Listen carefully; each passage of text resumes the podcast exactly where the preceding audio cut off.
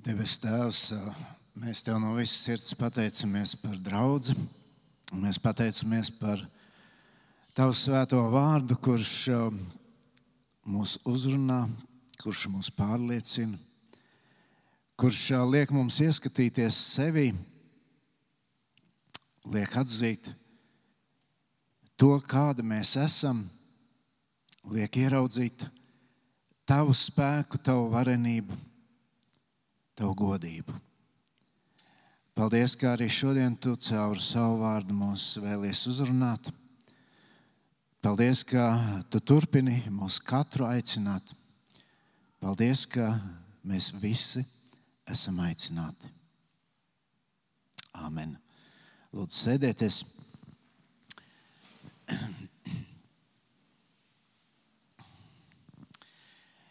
Mēs uh, turpināsim aplūkot Mateja evaņģēliju.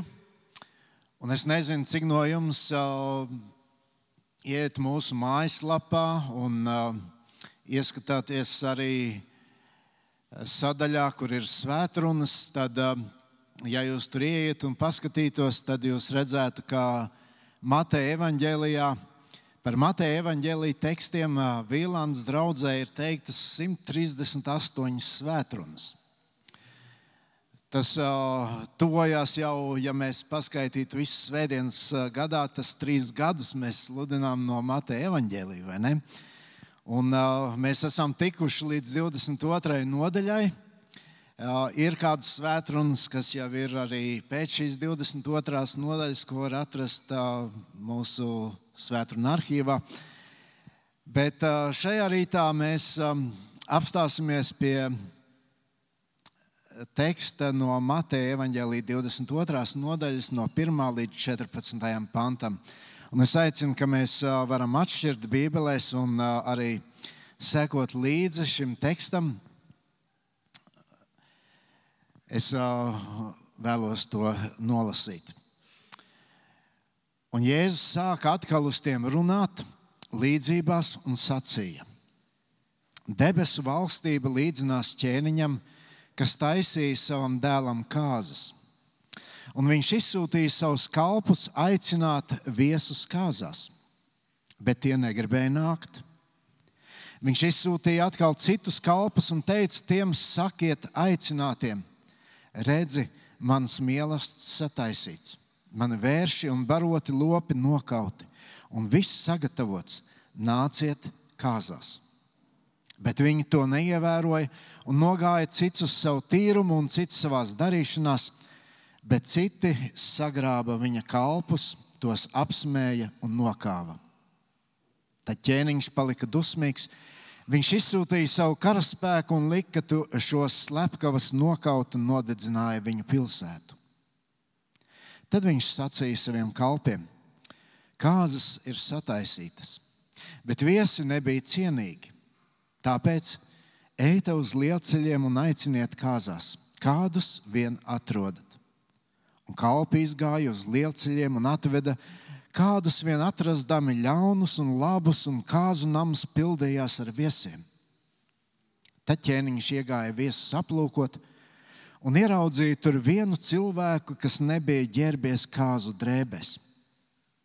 Un viņš sacīja tam, draugs, kā tu esi šeit ienācis bez kāzu drēbēm.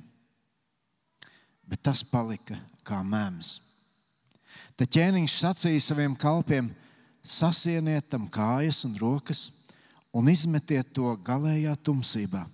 Tur būs raudāšana un zobu trīcēšana. Jo daudz ir aicinātu, bet maz izredzētu.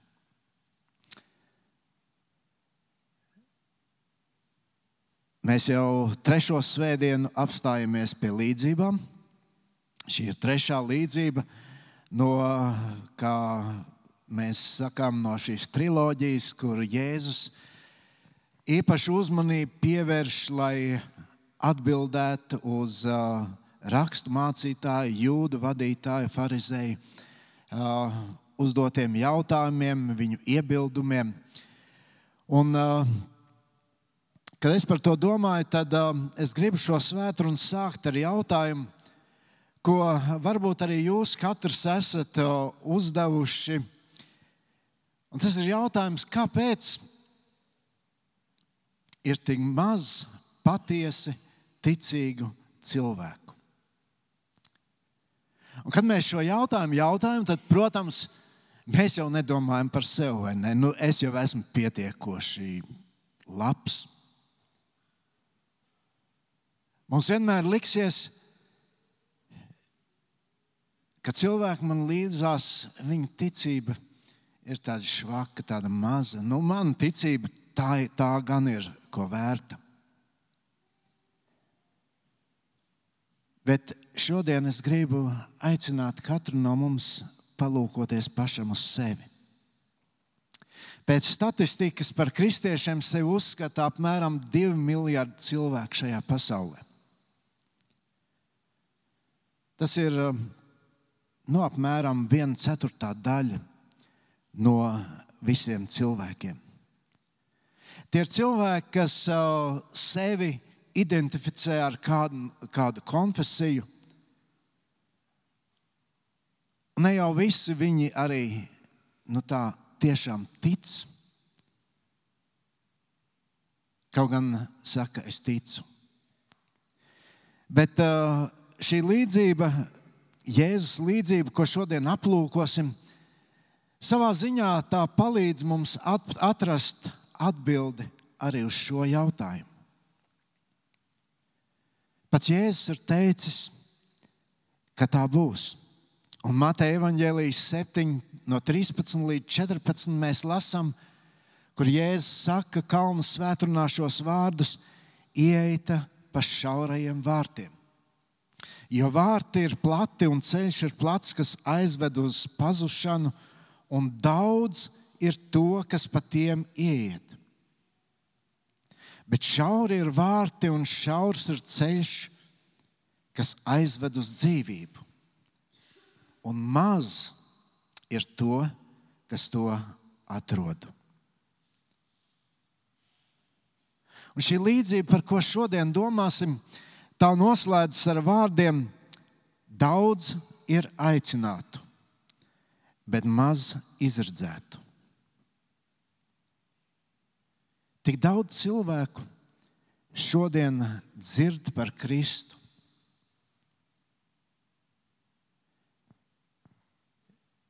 Tik daudz cilvēku šodien sevi kaut kādā veidā identificē ar Kristus vārdu, sauc sevi par kristiešiem bet to, kuri tiešām ir izglābti. Tos Jēzus šeit sauc par izredzētiem, un Jēzus saka, to ir maz. To nenosaka tas, vai tu piedari kādai konfesijai. To nenosaka tas, vai tu pildi kādas tradīcijas. Bet Dieva vārds skaidri rāda, ka to nosaka tas, kāda ir tava attieksme pret Jēzus Kristus evaņģēliju.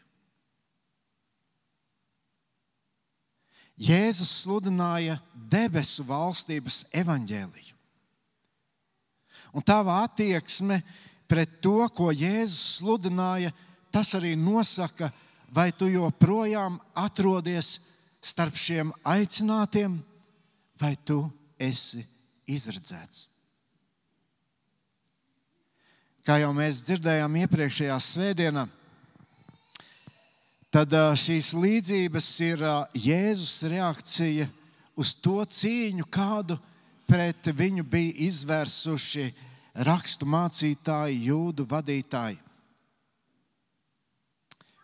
Un Jēzus pacietīgi skaidro, kāpēc tas tā notiek. Kāpēc viņi nepieņem Dieva sūtīto mesiju?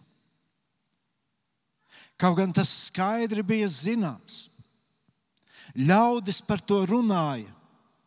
Jā, ļaudis Jēzu uzlūkoja kā Dieva sūtīto mesiju. Viņi vienkārši negribēja to darīt. Tas vienkārši šiem cilvēkiem nebija izdevīgi. Mēs zinām, tas fons, kad šie notikumi notiek, ir pēc tam, kad Lācars ir uzmodināts.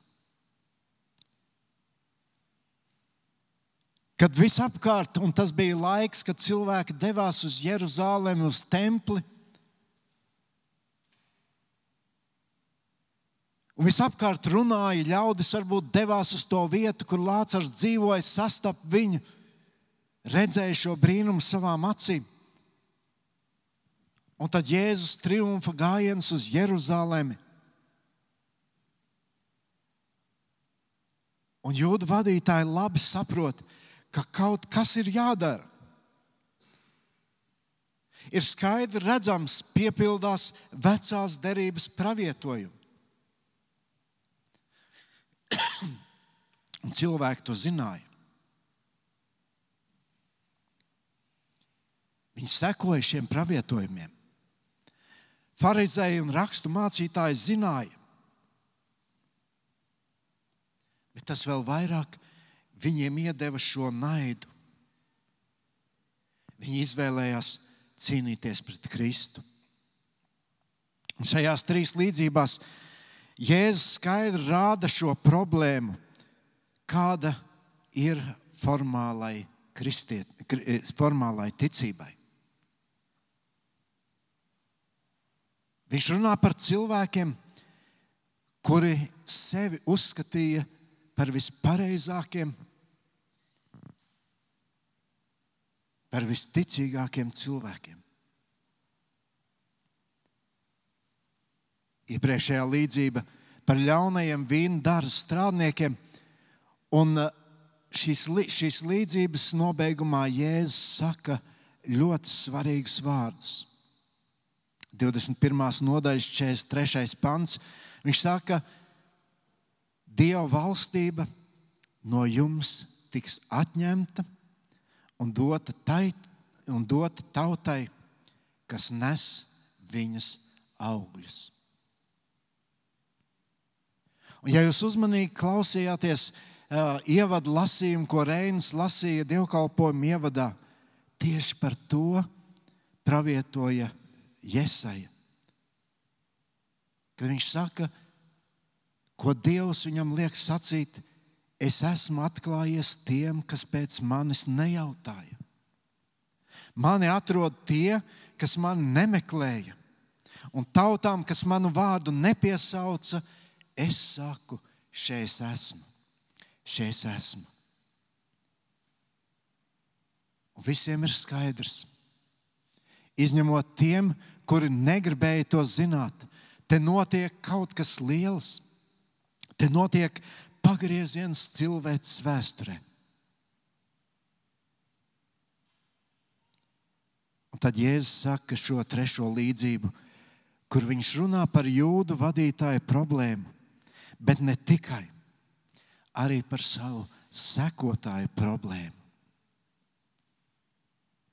Šai līdzībā Jēzus runā par trīs kategoriju cilvēkiem, kuriem ir kaut kāda saistība ar debesu valstību. Vispirms viņš runā par aicinātiem. Un tie acīm redzot, bija zināmi cilvēki jo viņi tika aicināti uz kāzām. Ne jau visus aicina uz kāzām. Un īpaši jau ķēniņš. Parasti tie ir zināmi cilvēki. Īpaši cilvēki, viņam pietuvināti cilvēki.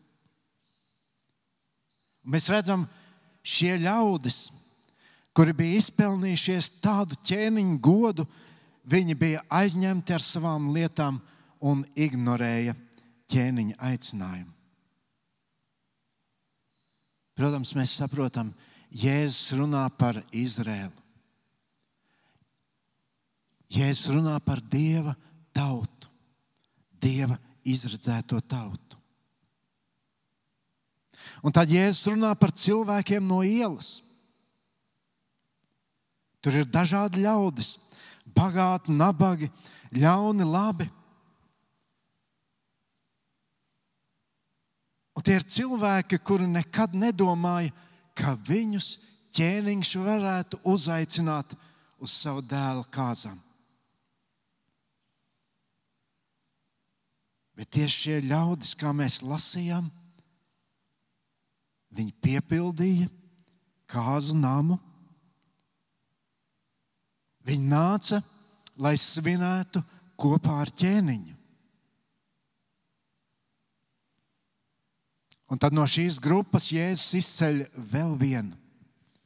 Starp šiem atnākušajiem no ielas bija viens cilvēks, kas atšķīrās no citiem. Viņš kaut ko nebija ņēmis vērā.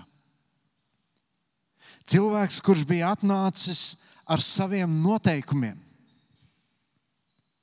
viņš nebija kāzu drēbēs. Un šis cilvēks simbolizē tos, kuri grib sekot Kristum, bet nevēlas viņam paklausīt. Viņi seko, kaut ko dara, viņi grib kopā priecāties, grib kopā svinēt. Bet man ir savi noteikumi. Un es nevēlos, lai kāds man traucē darīt tā, kā es gribu. Un Jēzus runājot par visiem šiem cilvēkiem, rāda, ka problēma ir divās lietās, par ko arī domāsim. Un pirmā lieta, ko aplūkosim, mēs redzam šo cilvēku iedomāto neatkarību no Dieva. Un pēc tam pieskarsimies arī šo cilvēku iedomātai taisnībai.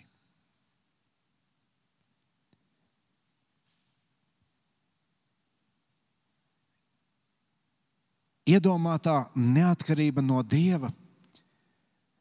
Tā bija viena no lielākām problēmām un jau no pašas cilvēces sākuma. Vēstures gaitā cilvēks visu laiku ir centies noteikt savu dzīvi. Tas jau sākās ēdienas dārzā. Un cilvēkam vienmēr liekas, tas centrs jau ir manī. Tas centrs esmu es. Un ja mums Dievs ir vajadzīgs, tad tikai tad, kad Viņš darbojas mūsu labā, kad Viņš darbojas priekš mums, palīdz mums. Paskatieties, Izraēla tautu. Tur visu laiku mēs to redzam. Paskatieties šodien, arī tur mēs to varam saskatīt.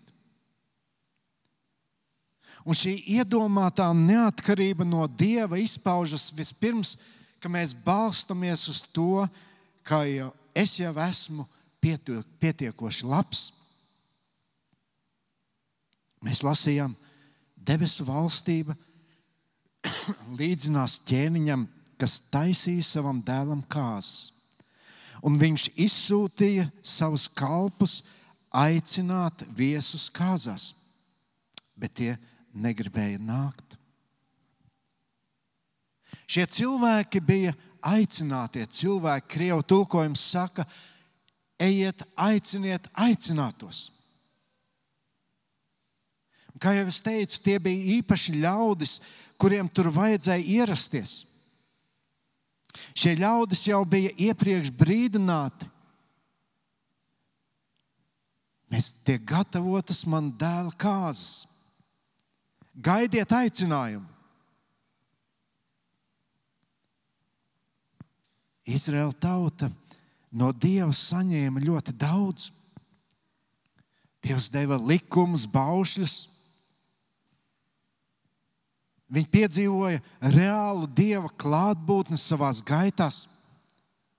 Viņi piedzīvoja, kā Dievs viņus izved no verdzības, piedzīvoja Dieva vadību, neskaitāmus brīnumus. Un caur praviešiem Dievs šiem, šai tautai teica, nāks mesija. Gaidiet! Viņi to zināja. Un Dievs kā pirmos viņus aicināja. Bet ak, viņi nevēlējās tomēr būt atkarīgi no Dieva. Mums šobrīd tas nav vajadzīgs. Un šodien mēs sastopamies tieši ar to pašu, kad cilvēki dzīvo tā, kā viņi grib, un nevis kā Dievs grib. Un, protams, protams, mums liekas, kārtīgi dzīvot. Un mēs dzīvojam ar šo apziņu, ja nu Dievs kādus izglābs, tad tie, protams, būsim mēs.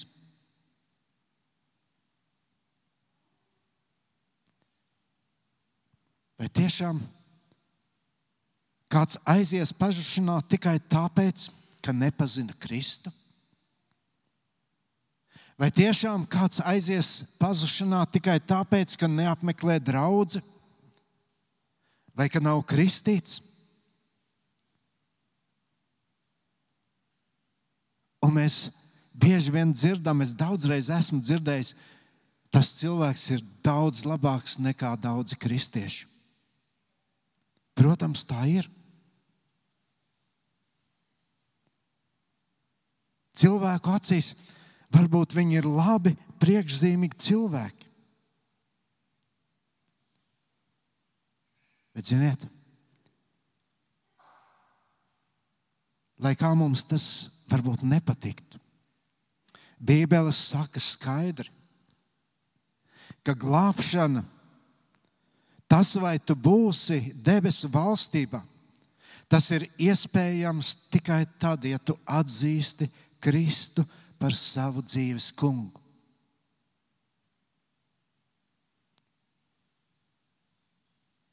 Nav citas alternatīvas.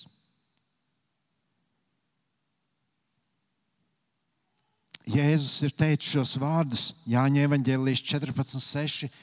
Viņš saka, es esmu ceļš, patiesība un dzīvība. Un tad viņš saka, neviens. Neviens netiek pie tēva kā vien caur mani. Nav daudz ceļu, bet ir tikai viens ceļš. Un zini, ja tu tā domā, tu šodien būsi ļoti nepopulārs. Jo tu ticēsi tam, ko saka Bībele. Tik daudzi kristieši šodien dzīvo bez kristietības sirds. Jo kā gan tā var būt? Kad cilvēks, kurš ir ļoti labs, kurš varbūt ir ļoti devīgs, priekšzīmīgs. Kā tā var būt, ka Dievs viņu aizsūtīs pazušanā? Bet, ziniet, šos cilvēkus raksturo vēl kāda lieta. Tas, ka viņiem nav īpaša vēlēšanās būt ar Dievu. Viņi ir pietiekoši labi. Priekš kam viņiem Dievs? Mēs lasījām, viņi negribēja nākt. Mums ir sava dzīve, un tā ir pietiekoši laba. Nē, nē, mēs neesam pret Dievu.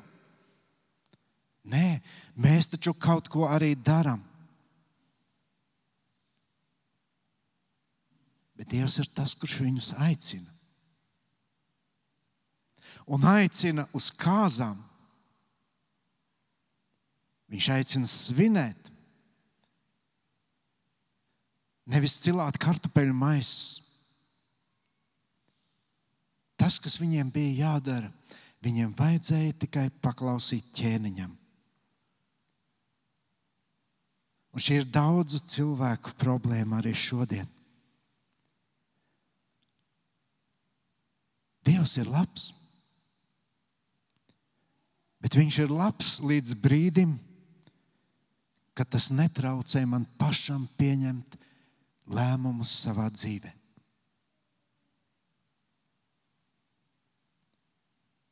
Mēs redzam, šajā līdzībā šie cilvēki ir nofokusējušies tikai uz savām interesēm. Viņi to neievēroja. Un nogāja cits uz savu tīrumu un cits savā darīšanās. Ignorēt ķēniņu, ignorēt dieva aicinājumu, jo man tas nav izdevīgi.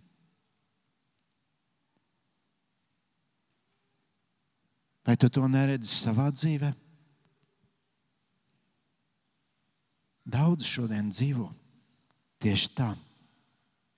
Bet vēlāk Jēzus saka, atbildot uz jautājumu, kas ir svarīgākais, tur 37. pantā, šajā pašā nodaļā, viņš saka, katram cilvēkam ir svarīgi zināt, tev būs Dievu, savu kungu mīlēt no visas sirds, no visas dvēseles un no visas savu prāta Šis ir augstākais un pirmais bauslis.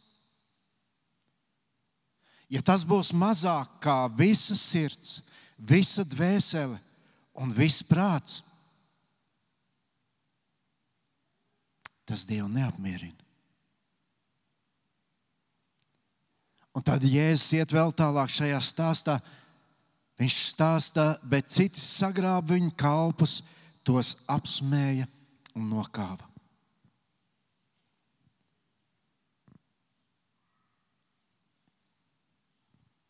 Mēs redzam šo reakciju. Šie aicinātie ļaudis, ja tas apdraud viņu neatkarību, viņi sāk kļūt agresīvi pret evaņģēliju. Šodien varbūt to sauc citādāk. Naida runa vecmodīgi uzskati, varbūt vēl kādi epitēti. Paklausieties, ko Jēzus saka saviem uzticīgiem sekotājiem. Jāņa evanģēlijas 16, 2 un 3 pants. Tie jūs izslēgs no draudzes, un nāks stunda, kad tas, jūs, kas jūs nonāvēs, domās ar to dievam kalpojas. Bet to viņi darīs tāpēc, ka tie nav atzinuši ne dievu, ne mani. Mīļie draugi, šādai iedomātai neatkarībai no dieva ir cena. Mēs lasījām, ka ķēniņš palika dusmīgs. Viņš izsūtīja savu karaspēku un lika šos slepkavus nokaut un sadedzināja viņu pilsētu. Nav daudz ceļu uz debesīm, bet tikai viens ceļš.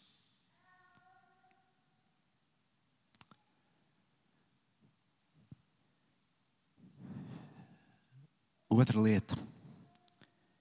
Jēzus šajā līdzībā rāda šo otru cilvēku kategoriju Un tie ir cilvēki ar iedomātu taisnību. Ja pirmie negāja, neatsaucās ķēniņa aicinājumam, ignorēja to, neaizgāja uz kazam, tad te nu mēs redzam cilvēkus, kuri, kuri nāca. Un mēs nezinām neko vairāk par šo vienu cilvēku, kas bija atnācis bez kāzu drēbēm bet zinām to, ka visi šie cilvēki, kuri piepildīja kāzu namu, atradās tur pateicoties ķēniņa žēlastībai. Šiem ļaudīm tur nevajadzēja būt. Tur vajadzēja atrasties pa visiem citiem cilvēkiem. Bet ķēniņš izvēlējās viņus. Mēs lasījām, mēs lasām Mateja evaņģēlijas 7, no 21 līdz 23. Ne katrs, kas man, uz mani saka, kungs, kungs, ieies debesu valstībā, bet tas, kas dara mana debesu tēva prātu. Daudzi uz mani sacīs tajā dienā, kungs, kungs, vai mēs tavā vārdā neesam nākošās lietas sludinājuši? Vai mēs tavā vārdā neesam vēlnus izdzinuši? Vai mēs tavā vārdā neesam daudz brīnumu darījuši? Un tad es tiem apliecināšu, es jūs nekad neesmu pazinis. Ejiet nost no manis, jūs ļauna darītāji. Ir cilvēki, kuri atsaucas evaņģēlīja aicinājumam. Un ar tiem bija arī šis cilvēks bez kāzu drēbēm.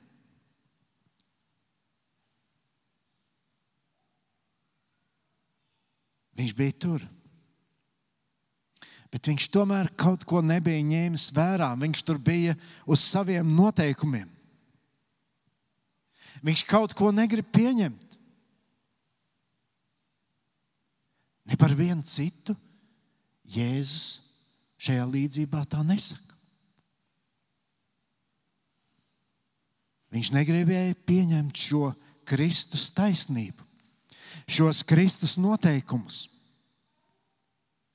Un, mīļie, ja evaņģēlijas nepārveido tevi,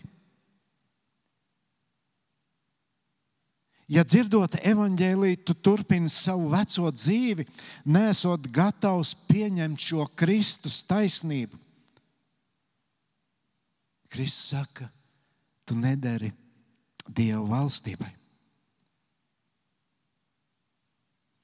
Romiešu vēstulē, 2. nodaļā, 21. no 21. panta mēs lasām, apustulis Pāvils saka, bet tagad neatkarīgi no bauslības atklājusies Dieva taisnība, ko jau apliecināja bauslība un pravieši.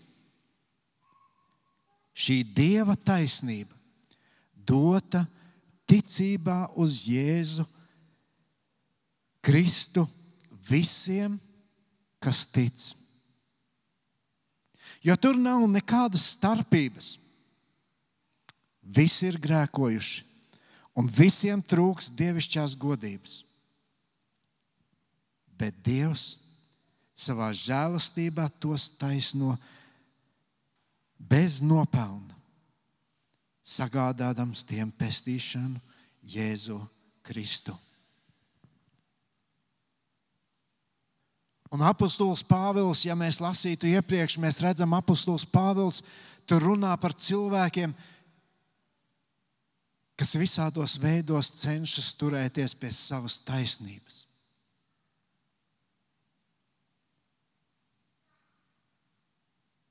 Evangelijas saka, glābšana nav iespējama citādi, kā pieņemot Kristus taisnību. Un šī Kristus taisnība saka, ka Kristus ir miris par mūsu grēkiem, par taviem un maniem grēkiem. Apostols Pāvils to īpaši uzsver romiešiem 3, 10, 12. Viņš saka, gluži kā rakstīts, nav neviena taisna, it neviena. Nav neviena, kas saprot, neviena, kas meklē Dievu.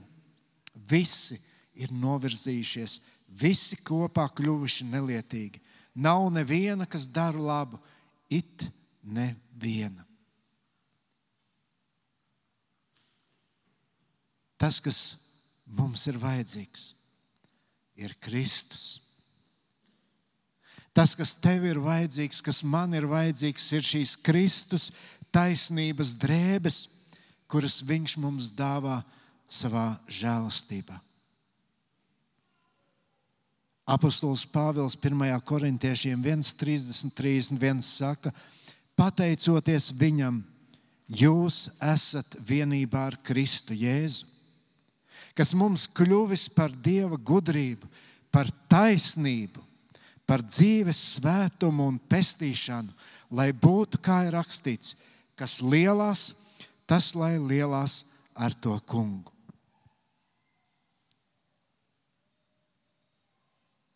Un šis cilvēks šajā līdzībā, viņš bija tik tuvu Dieva valstībai. Faktiski viņš bija jau iekšā tajā. Bet viņam trūka šīs kāzu drēbes.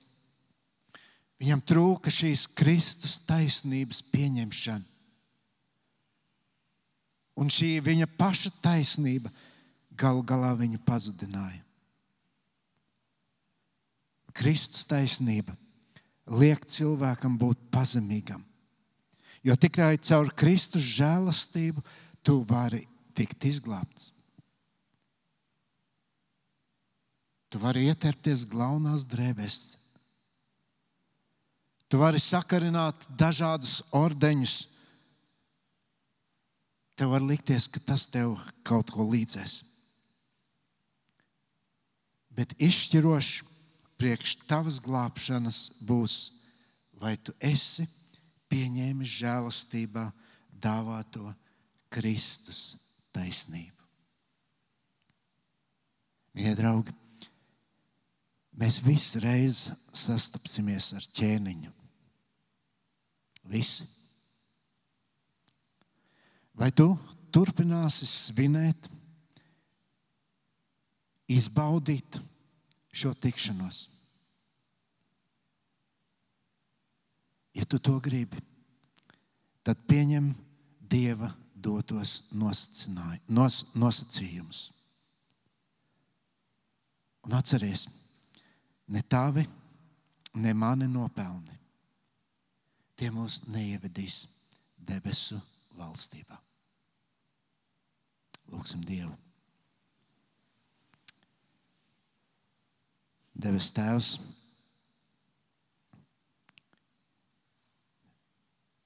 paldies, ka Tu katram no mums ļauj šajā brīdī paskatīties uz sevi.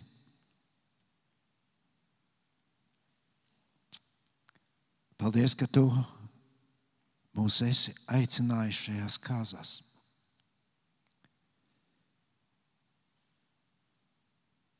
Un es ticu, kungs, ka mēs visi, visi bez izņēmuma, gribam svinēt.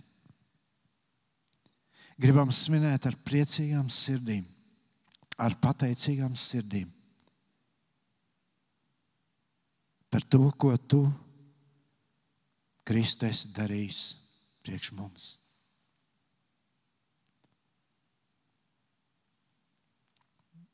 Es lūdzu, lai katram no mums būtu skaidrība par to, ka tu esi mūsu glābējs.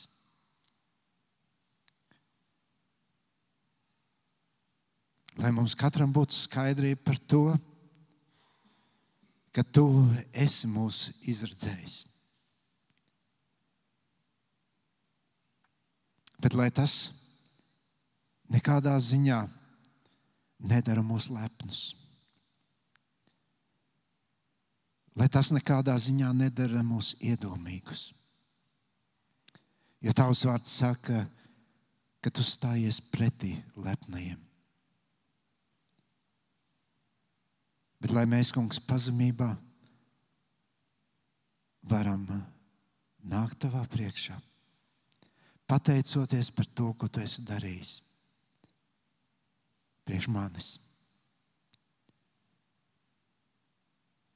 Ja tavs vārds saka, nevienam, mums tur nevajadzēja būt, bet tava žēlastība ir tik liela.